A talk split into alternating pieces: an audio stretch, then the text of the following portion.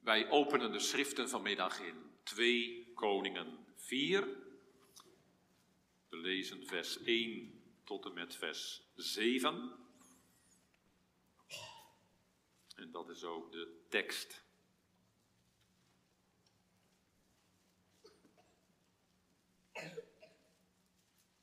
Dus 2 Koningen 4. De eerste zeven versen. Waar God zelf vanmiddag in deze Victorkerk tot ons spreekt. Een vrouw, een van de vrouwen van de leerlingprofeten, riep tot Elisa om hulp en zei: Uw dienaar, mijn man, is gestorven. En u weet zelf dat uw dienaar de Heere vreesde. Maar nu is de schuldeiser gekomen om mijn beide kinderen als slaven met zich mee te nemen. Elisa zei tegen haar: Wat kan ik voor u doen? Vertel mij wat u in huis hebt. Zij zei: Uw dienares heeft niets anders in huis dan een kruikje met olie. Toen zei hij: Ga heen. En vraag voor u buitenshuis kruiken van al uw buren, lege kruiken. Laat het er niet weinig zijn. Ga dan naar binnen en sluit de deur achter u en achter uw zonen. Giet vervolgens olie in al die kruiken en zet weg wat vol is. Zo ging zij bij hem vandaan en sloot de deur achter zich en achter haar zonen. Die gaven naar de kruiken aan en zij goot de olie erin. En het gebeurde, toen die kruiken vol waren, dat zij tegen haar zoon zei: Geef mij nog een kruik aan. Maar hij zei tegen haar: Er is geen kruik meer. Toen hield de olie op met stromen. Zij kwam en vertelde het de man Gods. Hij zei: Ga de olie verkopen en betaal uw schuldeiser. En wat u en uw zonen betreft, u kunt leven van wat overblijft. Tot zover. Gemeente, deze geschiedenis brengt ons in één zin in een ontzettende, rauwe realiteit. Een jonge vrouw, getrouwd, een theologiestudent. En dat leven van die jonge man, jonge vader, wordt zomaar weggenomen. Misschien een ziekte, hartstilstand. Dus verder niet deze tekst. Wat, wat een ontzettende realiteit. Dat je er al in één keer alleen voor staat. Als vrouw en als moeder. Sterft er niet iemand anders, maar dan sterft er iets van jezelf. Zoveel pijn en zoveel smart. Zo gaat zij naar Elisa. Heel opmerkelijk dat het begin van dit tekstgedeelte zegt, zij roept tot Elisa. Er zit iets van, van aandrang achter, iets van nood, van gebrokenheid en ellende. Ze zegt tegen Elisa, en ze kan dat blijkbaar zeggen, u weet dat mijn man Godvrezend was. Ze begint trouwens niet met haar man, maar ze begint met uw knecht. Dat discipel zijn van deze man staat voorop. En dan zegt zij, uw discipel, mijn man, die was een godvrezende man. Het is nog wel eens andersom, hè, dat mensen in het publiek de naam hebben dat zij godvrezend zijn en dat ze gelovig zijn. Als je het dan aan die vrouw zou vragen of aan die kinderen zou vragen, zeggen ze ja, ja, ja, ja. Dat is ook een andere kant. Het is aangrijpend dat er zo'n spreekwoord is, als je een dominee wilt blijven waarderen, moet je niet met hem verkeren. Er zat een geweldige anti-reclame in dat koninkrijk van God. Deze vrouw die, die zo heel persoonlijk met deze man is omgegaan en met hem samengeleefd heeft, die heeft aan haar man gezien en geproefd en elke dag ervaren, hij vreest God. Hij heeft ontzag voor God. Hij beeft voor het woord van God. Zomaar de vraag, hè? Stel u voor dat u weg zou vallen als man, en dat jij weg zou vallen als vrouw, zegt dan de andere partij, en zouden je kinderen dat dan van jou zeggen? Zou dat spoor achterblijven in de geschiedenis? Zou dat sporen trekken? En er zit ook iets heel aangrijpends bij. Deze man, die was een, een, eh, een leerling profeet. Die, die, die, profetenscholen, die seminaria zouden wij vandaag zeggen, die waren ontstaan in de tijd van Samuel, in de tijd van verval. En profeten, die leerlingprofeten hadden zich samengevoegd, die woonden op een campus of zo, een eenvoudige hutten. En daar bestudeerden zij de wetten van Mozes en daar verdiepten zij zich in de heilsdaden van, de, van God in de geschiedenis. Ze maakten muziek en ze baden samen. Het waren hele kostbare plaatsen hè, waar dat woord van God bewaard werd in een tijd van Godvergetenheid. Samuel die kwam daar dan en die, die, die onderwees deze mannen en die bemoedigde deze mannen en die gaf instructies aan deze mannen om hen voor te bereiden op een plaats in dat koninkrijk van God. En je zou toch zeggen, deze man die was nodig in zijn gezin om de jongens te onderwijzen. En deze man die was nodig in de samenleving die zo in verval was. Het was niet alleen in de tijd van Samuel, maar we lezen ook van die kalverendienst van Dan en Bethel. Die profetenscholen, die, die, die, die hadden toch mensen nodig die zouden uitgaan om dat volk de wet van God te leren, waarin ook dat evangelie van de Messias doorklonk. En is nou zo'n man gestorven? Zo'n godvrezende man die in zijn gezin nodig is?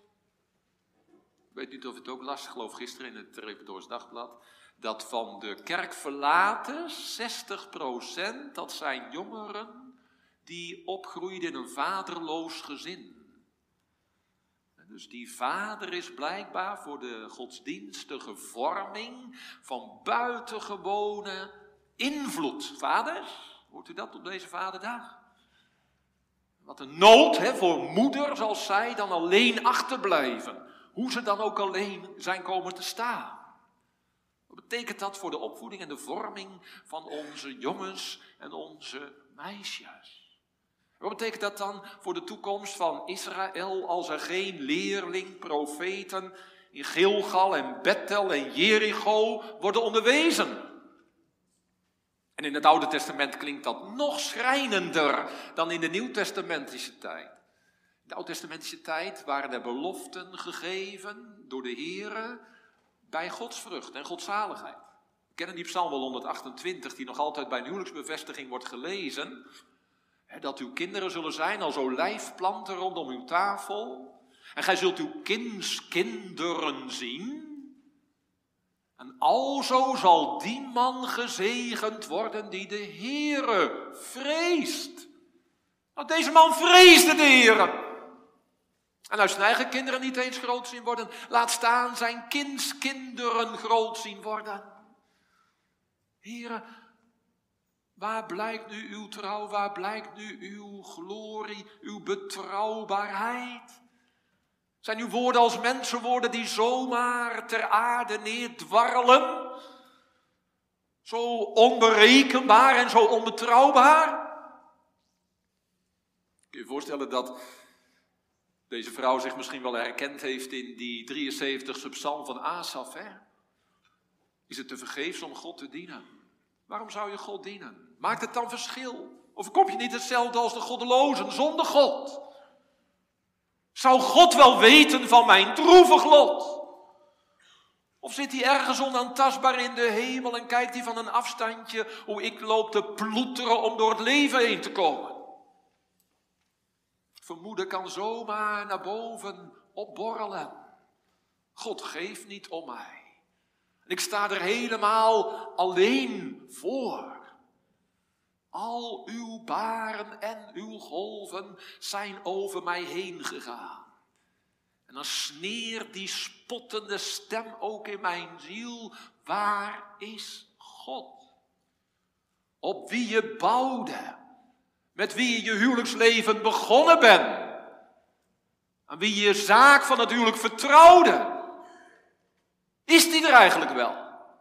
En hoort hij wel? Bewijst hij zich wel? En is voor deze vrouw nog aangrijpender. En het eerste is dat je eigen man verliest. En het tweede is dat, dat het een godvrezende man is, die nodig is in je gezin. En dat lijkt haaks te staan op de belofte van God. En dan is er ook nog eens de financiële nood die daarbij komt. Deze vrouw heeft door het overlijden van een man, of na het overlijden van een man, of hoe dan ook, maar zij heeft schulden opgebouwd. Had niet gehoeven. Als iedereen in Israël zich hield aan de wetten van God, dan was er geen weduwe met gebrek. Maar als je God verlaat, dan verlaat je ook de geboden van God en die heilzame inzettingen van God. En dan kan een weduwe die zo zwak is en die zo weerloos is, die kan wel in de problemen komen. Weet u wat de ware godsdienst voor God en mens is? Wat zou je invullen? De ware godsdienst voor God en mensen. De kern van de christelijke religie, wat is dat? Jacobus 1,27 geeft het antwoord. Is weduwen en wezen bezoeken in hun verdrukking. Doe je dat? Betekent dat, ja, dat er is, daar is geen eer mee te behalen. Hè? Kun je alleen maar geven. Kun je nooit iets van terug verwachten. Komt niet op de voorpagina van de krant te staan.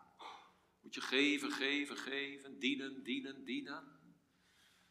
Dat, dat is nou de ware religie. De liefde die zichzelf niet zoekt, maar onbaatzuchtig geeft en geeft. En dat markeerde blijkbaar aan in dat, in dat volksleven van Israël. En, en daarom was deze vrouw een lage bal geraakt. En die schuldeiser die was gekomen, die had eens in dat hutje rondgekeken, had hier en daar misschien wat meegenomen. Maar de schuld kon lang niet betaald worden. En hij heeft deze vrouw gedreigd en hij heeft gezegd: Als u de schuld niet betaalt, en daar heb ik toch recht op. Ja, dan zie ik geen andere mogelijkheid om je beide zonen tot mijn knechten, tot mijn slaven te maken. Wat een huiver moet er dan door zo'n moeder hart heen gegaan zijn. Als je in Israël een paar weken geleden stonden we er ook al bij stil. Hè? Dan ging het over, we hebben niet ontvangen de geest van de slavernij. En hier gaat opnieuw over die slavernij. Slavernij betekent in Israël, ja, dat, dat is het slavenleven waar ze in Egypte onder gebukt gingen. Die harde knoet waaronder ze moesten slaven en draven. Die slavendienst, dat is hard. Je voelt je onder dictatuur. Je weet nooit of je wel genoeg doet en of die, die slavendrijver wel tevreden is met je inzet. En dan moet je nog een stapje harder zetten. En nog een stapje harder zetten. En je blijft onzeker en je blijft angstig. En gaat dat mijn kinderen overkomen? Is dat de toekomst? Dan mis ik mijn man en dan mis ik ook nog mijn twee, twee zonen. En die twee zonen kunnen dan ook niet voor mijn levensonderhoud blijven zorgen. Zo snijdt het mes aan, aan twee kanten. Hè? De, de innerlijke verbondenheid van een moeder tot haar kinderen. En ook nog eens die hele praktische manier waarop die kinderen nog zouden kunnen bijdragen aan het dagelijkse bestaan en het, en het levensbestaan. Levensonderhoud. En misschien hebt u zich al een beetje vereenzelvigd met deze weduwe. Bij van de RMU las ik pas dat van de mensen die in de zorg werken, dat 25% daarvan, de gezinten dus, dat die te maken heeft met geldstress. Met financiële zorgen. Ze niet goed weten hoe ze de eindjes aan elkaar moeten knopen. En zeker ook geldt dat in een persoonshuishouding of, of persoon, huishoudings waar maar één ouder is, beter gezegd. Hoe, hoe moet dat dan? Dan kun je ook hele concrete zorgen hebben om door het leven heen te komen.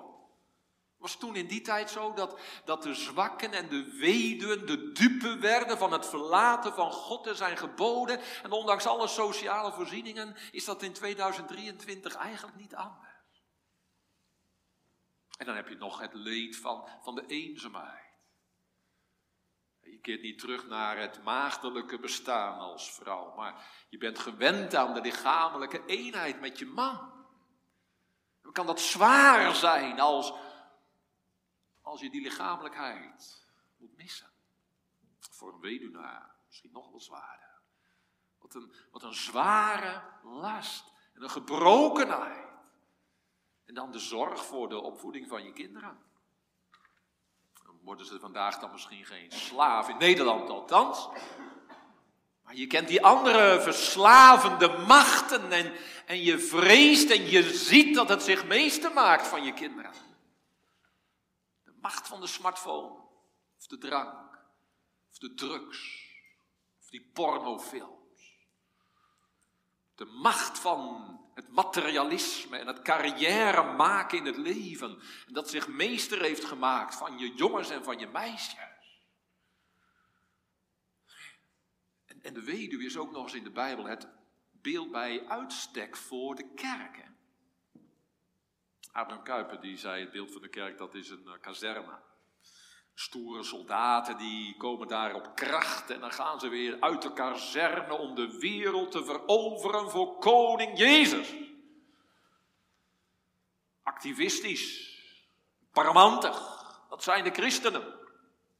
Maar het, beeld van, het Bijbelse beeld van de kerk is veel meer de weduwe, hè, die zwak is, die weerloos is, die zorg nodig heeft, die levenslang in een hospitaal verblijft om daar zorg te ontvangen. Of niet? Bent u meer die, die, die, die stoere soldaat of, of weet u zichzelf zo'n zo'n behoeftige weduwe die elke keer weer zorg en, en bewogenheid en een brandend hart van God nodig heeft? Nou, als je zo'n weduwe bent, die lijdt onder het onrecht, wat kun je lijden als weduwe in de kerk? Lijden aan de kerk, lijden met de kerk. Die, die kerk in Iran bijvoorbeeld en die kerk in Noord-Korea, dat is toch niet een andere kerk, dat is die ene kerk waar wij deel van uitmaken. Kunt u dan zeggen, als dat lid leidt, dan lijden wij niet?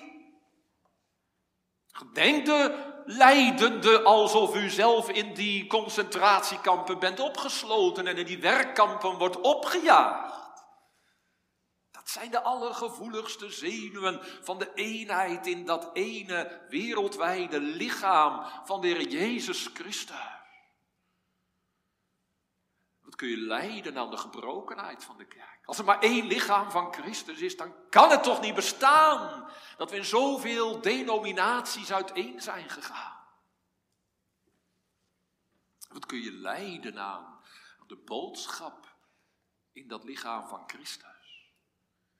Een beetje algemeen wordt. En niet meer je echt geconfronteerd wordt met de heiligheid en de majesteit van God. Wat er gezegd wordt is allemaal wel waar, maar er zit eigenlijk geen pit in. Je wordt er niet door bewogen en je wordt er niet door stilgezet en je wordt er niet door ontdekt en je wordt er niet door schuldig gesteld. Ja, dan wordt het evangelie ook een slap verhaal. Dan krijg je een aai over je bol en je doet je plichten weer, maar het is niet een onuitsprekelijke en heerlijke vreugde. En het zou ook nog zo kunnen zijn dat u ook een schuldeiser hebt. En ik zou zeggen, als u niet van een schuldeiser weet in geestelijke zin, dan moet je dat ook eens nakijken. Hè? Zegt het, het, de wet van God niet tegen u, betaal mij wat gij schuldig zijt. En, en dat het overtreden van de geboden van God en het nalaten van het doen van de geboden van God en dan van binnenuit, dat stelt je schuldig tegenover God.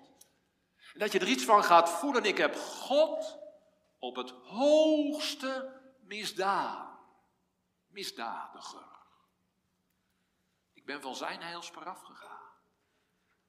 En dan drukt het je, hè, verzoen de zware schuld die mij met schrik vervult.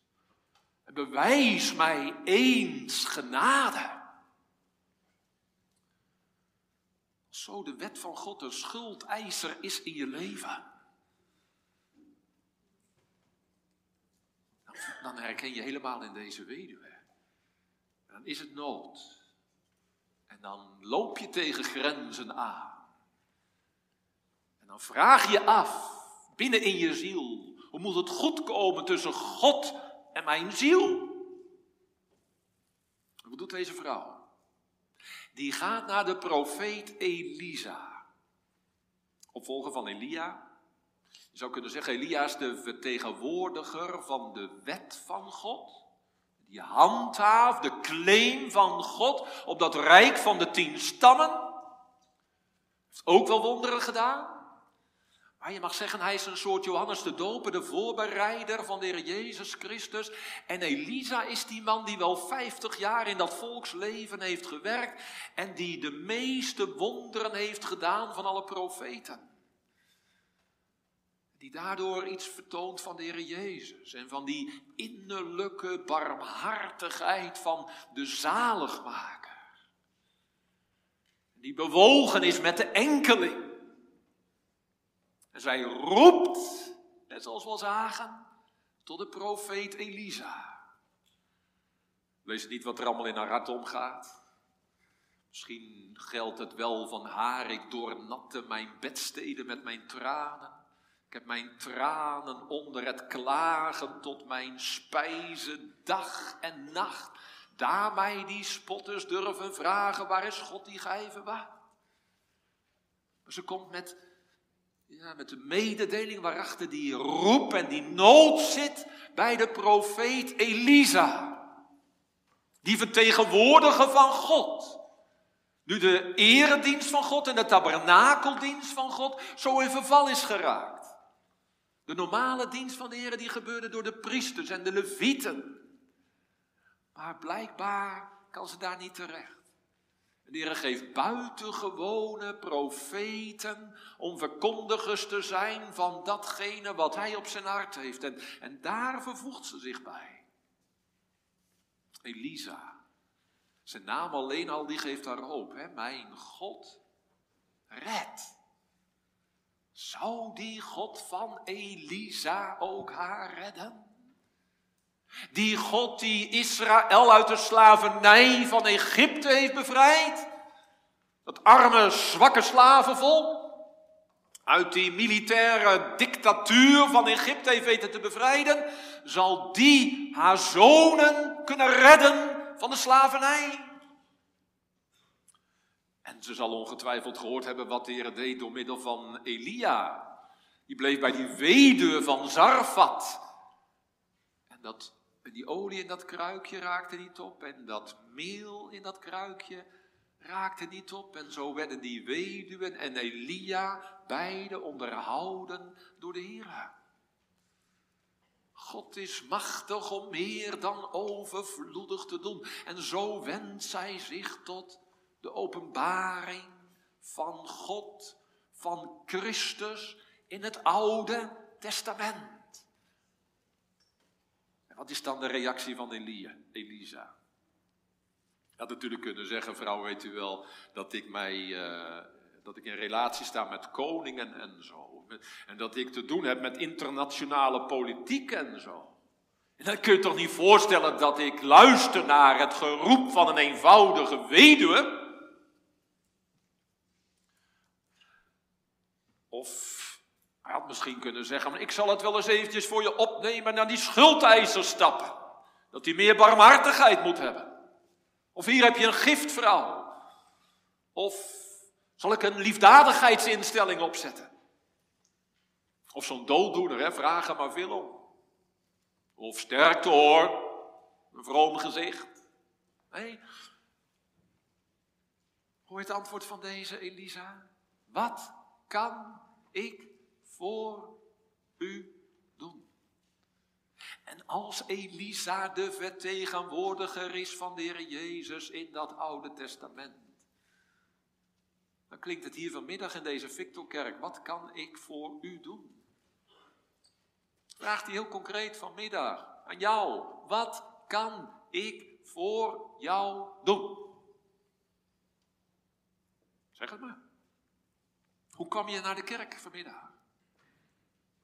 Kom je naar de kerk om de gedachte van, nou ja, we gaan weer eens even luisteren. En, uh, gastdominee, eens kijken hoe het gaat. Beetje vrijblijvend. Of, of heb je het gevoel dat er in dat huis van God echt iets gebeurt? En dat de Heer daar voorziet. Dat dit een soort marktplaats is. Hè? Dat je van tevoren weet, dit heb ik nodig en dat heb ik nodig en dat is mijn nood en dat is mijn zorg en dat is mijn gebrek en dat is mijn schuld. En dat je zo zegt, Heer, voorziet u in mijn nood. Dan kom je bewust. Dan kom je heilbegeerig naar de markt van vrije genade. Hoe ben je vanmiddag gekomen, jongen? Ben je vanmiddag gekomen, moeder?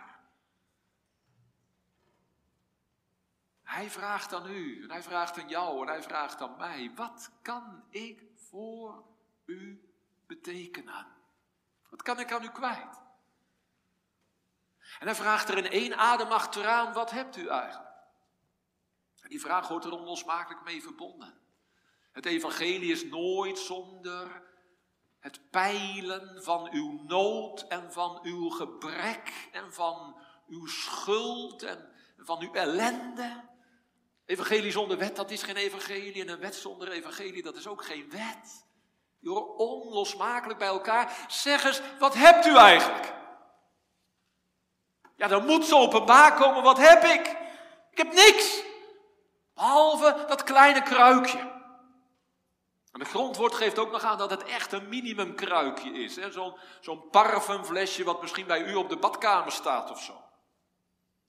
Dat is alles. Stelt niks voor. Dat legt geen gewicht in de schaal. Wat kan ik voor u doen? Deze nood. In dit schrijnende gebrek. Wat geeft dan Elisa voor een antwoord? Wat geeft dan Jezus vanmiddag voor een antwoord? Hij zegt, u moet naar uw buren gaan en de buren van je buren gaan. En je moet overal vragen om potten, schalen, pannen en kruiken. Zoveel mogelijk en je hele huis ermee vol zetten. De kamer en de keuken en de bijkeuken en het afdak buiten. Overal moet je het volzetten met die kruiken en schalen. Want die buren zien je al aankomen natuurlijk. Moet je met zoveel kruiken en schalen? Zou je dat doen? Is dat niet gezichtsverlies? Wat zou u doen? Wat is vanmiddag uw antwoord? Maar het kan zijn hè, dat u alleen hier maar zit uit een bepaalde religieuze behoefte en helemaal geen nood hebt. Ja, waarom zou je dan al die schalen en potten en kruiken, al die leegte van uzelf daar neerzetten? Zou dat niet het grootste probleem zijn voor onze zaligheid? Het grootste probleem is niet dat wij zonden hebben. Het grootste probleem is niet dat wij schulden hebben bij God. Maar het grootste probleem is dat wij rijk en verrijkt zijn. En dat we een beetje om ons heen kijken en denken, nou we zijn toch wel aardige christenen. Deze seculariserende samenleving, wij gaan tenminste naar de kerk en we gaan voor de tweede dienst naar de kerk notabene. En we zijn echt wel religieus ontvankelijk en we zeggen onze gebeden op en we hebben er ook wel een bepaald gevoel bij. En that's it. Je weet niet dat je bent ellendig en arm en jammerlijk en naakt. En zo hobbel je maar een beetje door het leven. En zo, zo blijf je maar een beetje op de been. Beef, o zondaar, beef. Omdat u een zondaar bent. Het zou kunnen dat je vanmiddag een, een cynisch, wantrouwende gedachte voelt opkomen. Niet een beetje te mooi? God doet toch geen wonderen vandaag? Is niet een beetje te mooi deze weduwe geholpen in haar nood, maar hoeveel weduwen zijn er vandaag in Iran die niet geholpen worden? Die wel jammerlijk omkomen. Die gevangenissen kwijnen.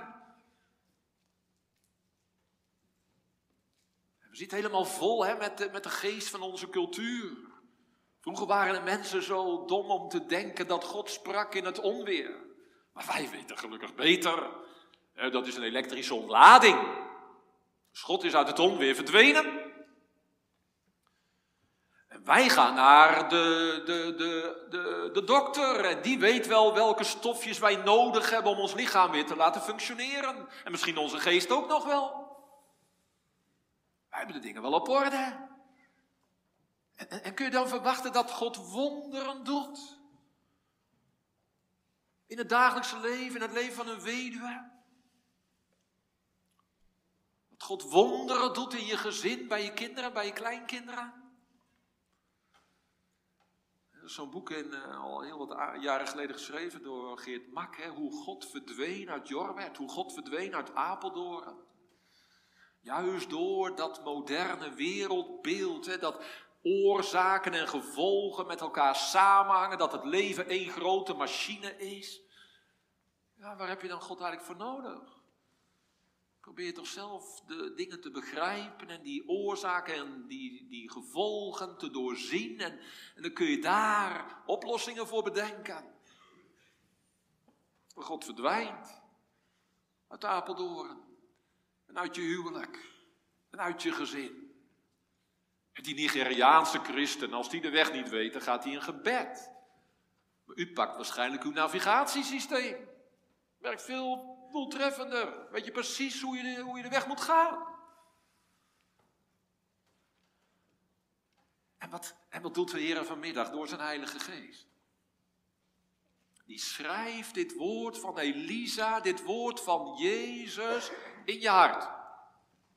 En hij getuigt met jouw geest dat dit de waarheid is. Hij verzegelt het in je ziel. Wat kan ik voor u doen? Alles wat u ontbreekt, dat schenk ik zo gij het smeekt. Alles. Ook als je alles ontbreekt. Zo is deze vrouw naar de buren gegaan. En ze heeft aangeklopt en ze heeft gezegd: Heb je kruiken en potten en pannen voor mij? Ja, hier heb ik een stuk of vier. Heb je niet nog meer? Ik wil alles hebben wat je beschik, ter beschikking hebt. En ze heeft van dat huis van die buurvrouw gelopen naar haar eigen huis. En de kamer volgezet en, en die keuken volgezet en die bijkeuken volgezet en onder het afdak volgezet. En bij alle buren heeft ze aangeklopt en ze heeft zoveel mogelijk gevraagd. Want de profeet had gezegd, zorg dat je er niet weinig hebt. Die jongens die kwamen thuis. Ze zeiden, moeder, wat doet u nou toch? Ze zei, ja zus en zo, de profeet, de Heer heeft tegen mij gezegd, zorg dat je niet weinig potten en kruiken hebt. En als je dan zoveel mogelijk verzameld hebt, dan moet je de deur op slot doen. Er zijn geen pottenkijkers nodig. En dan moet je uit dat kleine kruikje olie gaan gieten in al die pottenkruiken en pannen en schalen. Jongens die kijken een beetje beetje verbaasd en een beetje wantrouwend en azelend misschien. Ze zegt, zou voor de Heere iets te wonderlijk zijn? Ik hoop in al mijn klachten op zijn onfeilbaar woord. Ook als mijn ziel vol angst en zorgen is. En datzelfde doet weer vanmiddag in het hart van een jongen en het hart van een meisje. Hè? Het hart van een weduwe, een weduwnaar. En misschien wel die vrouw die geen weduwe is, maar toch eigenlijk een weduwe is in haar huwelijk. Een man die niet echt om je geeft en, en die niet het jouwe zoekt, maar die het zijne zoekt en je daarvoor gebruikt of zelfs misbruikt. Kun je eenzaam zijn in je huwelijk. Zou je die schaal niet daarin in je huis neerzetten? Zou het verboden zijn dat je dat je het van de Heere verwacht, dat je huwelijk iets uitstraalt van de relatie tussen die hemelse bruidegom en die aardse bruid. Er wordt onrecht gedaan aan God. Hè? Er wordt onrecht gedaan bij deze weduwe aan de wetten van de Heere. Dat geeft haar vrijmoedigheid om het van de Heer te verwachten. Dat mag u vrijmoedigheid geven. Denk aan die zin in het, in het huwelijksformulier. Hè? Dat hij zijn hulp en bijstand altijd wil bewijzen. Ook als wij het allerminst verwachten. Zou dat waar zijn? Voor gezinsnood en voor huwelijksnood voor figuurlijke en letterlijke weduwen. Is het echt omspant? Financiële dingen? De opvoedingsvragen? Ondanks dat snerpen van de boze in je hart, waar is God? Op wie je bouwde en aan wie je je huwelijk en gezin toevertrouwde? En dan toch niet kunnen loskomen van dit woord. En dan toch die schalen, die lege schalen voor de Heer neer te zetten en voor Hem uit te storten, je ganse hart. En ook nog amen te zeggen op je gebeden. Mijn gebed is zekerder door God verhoord dan ik het in mijn hart maar kan gevoelen. Ik beaam die vaste toezeggingen van de levende God. Die schuldeiser die je op de hielen zit, in geestelijke zin. Nou, vertel die schuld maar. Vertel maar van de nood van jouw karakter. De nood van je geaardheid. Zou je juist die schaal niet voor de Heer neerzetten? Zou voor hem iets te wonderlijk zijn? Die slavernij waarin je kinderen zich bevinden. Misschien zijn er nog helemaal geen kleinkinderen in beeld en moeten je kinderen die zijn nog helemaal niet aan verkering toe en zo. Maar, maar zou je dan toch ook niet al denken aan je kleinkinderen? Zou je dan toch al niet bidden voor je achterkleinkinderen, voor generatie op generatie, dat zij allen persoonlijk zich aan de Here zullen wedden en dat de Heer zijn verbond, zijn verbond, zal bevestigen van kind tot kind. En dan je eigen nood, misschien ben je wel 23 keer gestruikeld in die ene concrete zonde. En je hebt geen macht om die zonde te, te, keer, te weer te stellen.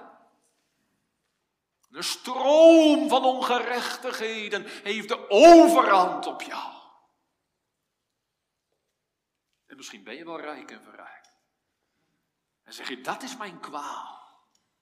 Dat is mijn probleem. Ik voel helemaal niet dat mijn schuld tot in de hemel reikt. En ik voel me helemaal niet misdadig tegenover God. Ben zo vroom en zo zelfgenoegzaam en ik heb het zo getroffen met mezelf in de gemeente. Zou je, zou je die schaal ook niet bij de Heer neerzetten? En als het aan geloof ontbreekt, hè, kom mijn ongelovigheid te hulp. Als je lijdt aan de kerk, zou je dan niet bidden om de Heilige Geest? Dat de bediening van het woord werkelijk een, een leiding is van de Geest in al de waarheid van God. Niet in halve waarheden, niet in sommige lievelingswaarheden. Maar dat die volle raad van de heiligheid en de genade van God open gaat en wordt ontvouwd. Zou hij niet bij machten zijn om dat hart van die prediker te neigen als een waterbeek? Om in dat woord van God ons vast te maken, persoonlijk en in de gemeente en in onze gezinnen. Welke nood hebt u nog meer?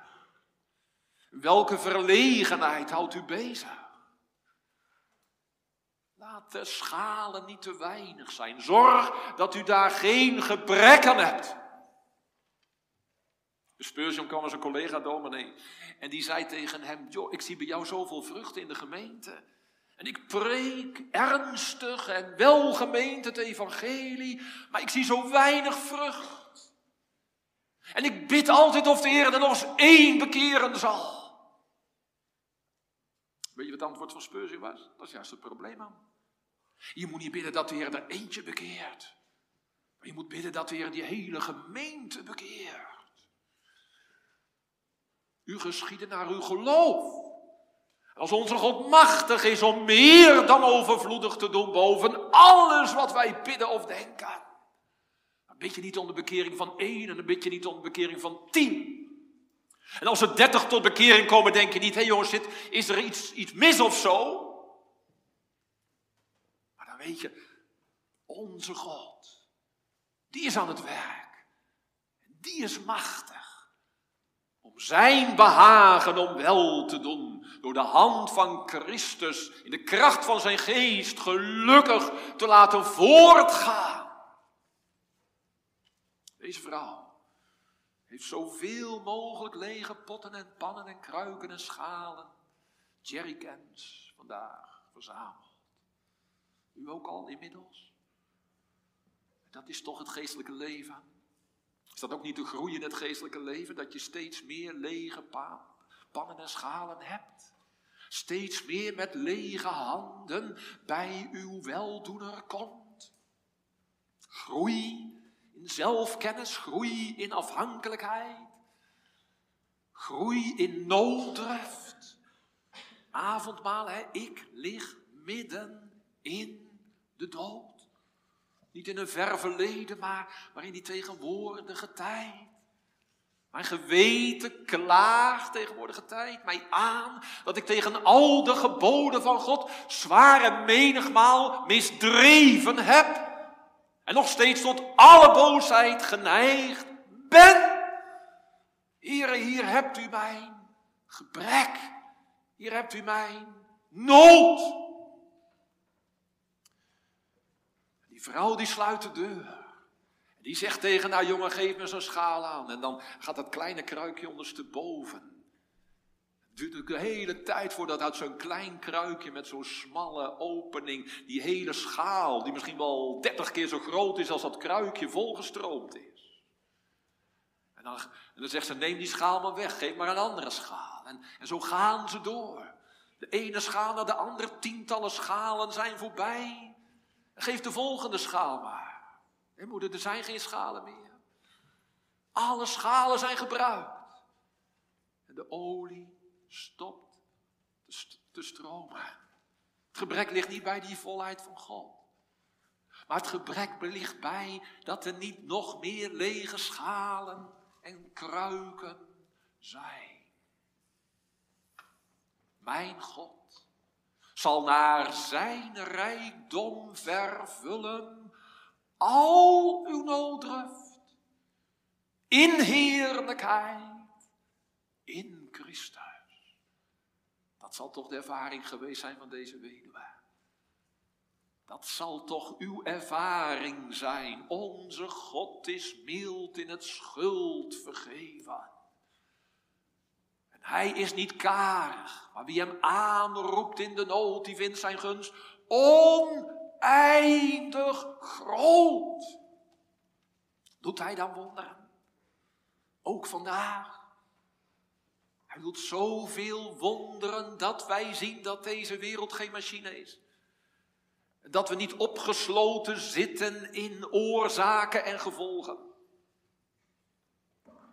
Misschien hebt u het wel gevolgd op 24 april van dit jaar, deed Dick Kruithof, een huisarts, uh, die, die, die verdedigde een proefschrift aan de Vrije Universiteit. Dat ging over genezingen op het gebed.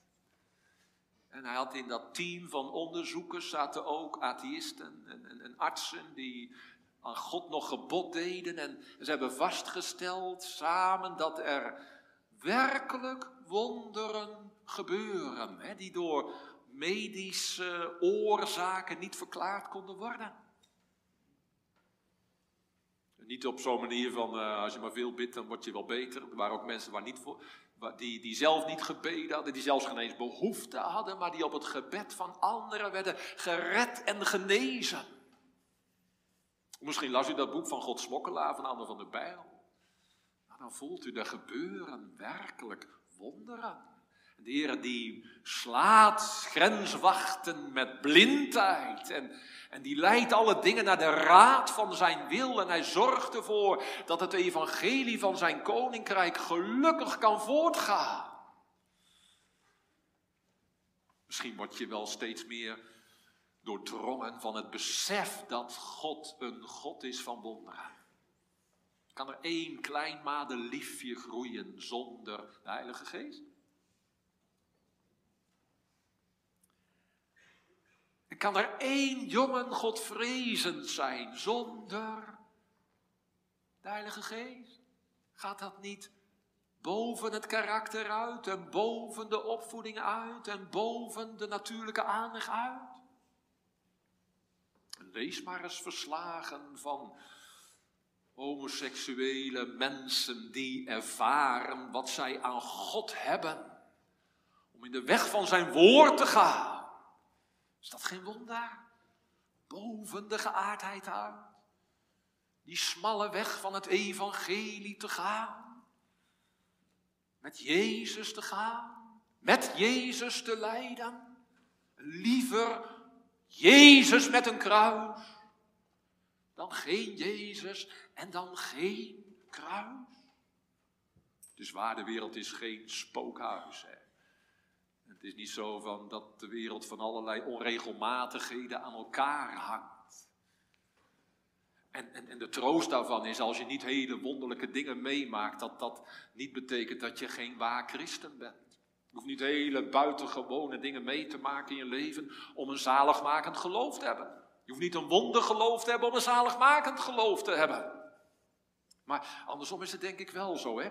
Hoe meer jij de Heer vreest en hoe meer ontzag je krijgt voor Hem, hoe meer je Zijn goedheid ziet verspreid op al Zijn werken in de schepping en in de herschepping. Je ziel vindt rijke juichenstof om al Zijn wonderen en Zijn lof met hart en mond te melden. Nog één ding. Misschien twee dingen dit ene ding, dit evangelie wat ik nu verkondig, is ook heel gevaarlijk. Het gevaarlijke van dit evangelie is dat u naar huis gaat en dat u zegt, wat een heerlijk evangelie. En er gebeurt verder niks. Die gaat weer over tot de orde van de dag. En u bent gerustgesteld met het evangelie. En uw gebeden intensiveren niet. En u zet geen schalen voor de Heer neer om uit zijn volheid te ontvangen genade voor genade. Dan hebt u dit kostbare evangelie goedkoop gemaakt. En dan misbruikt u het evangelie van Gods verlossing tot uw geruststelling. Dan is deze dienst geen stap ter hemel, maar een stap ter hel. Word wakker ontwaakt. Ga niet langs deze fontein van heil heen naar het eeuwige verderf. Maar wees verbonden met die bron. Die nog kleiner is dan dat kruikje. Die dode Jezus. Die naakte man aan het kruis.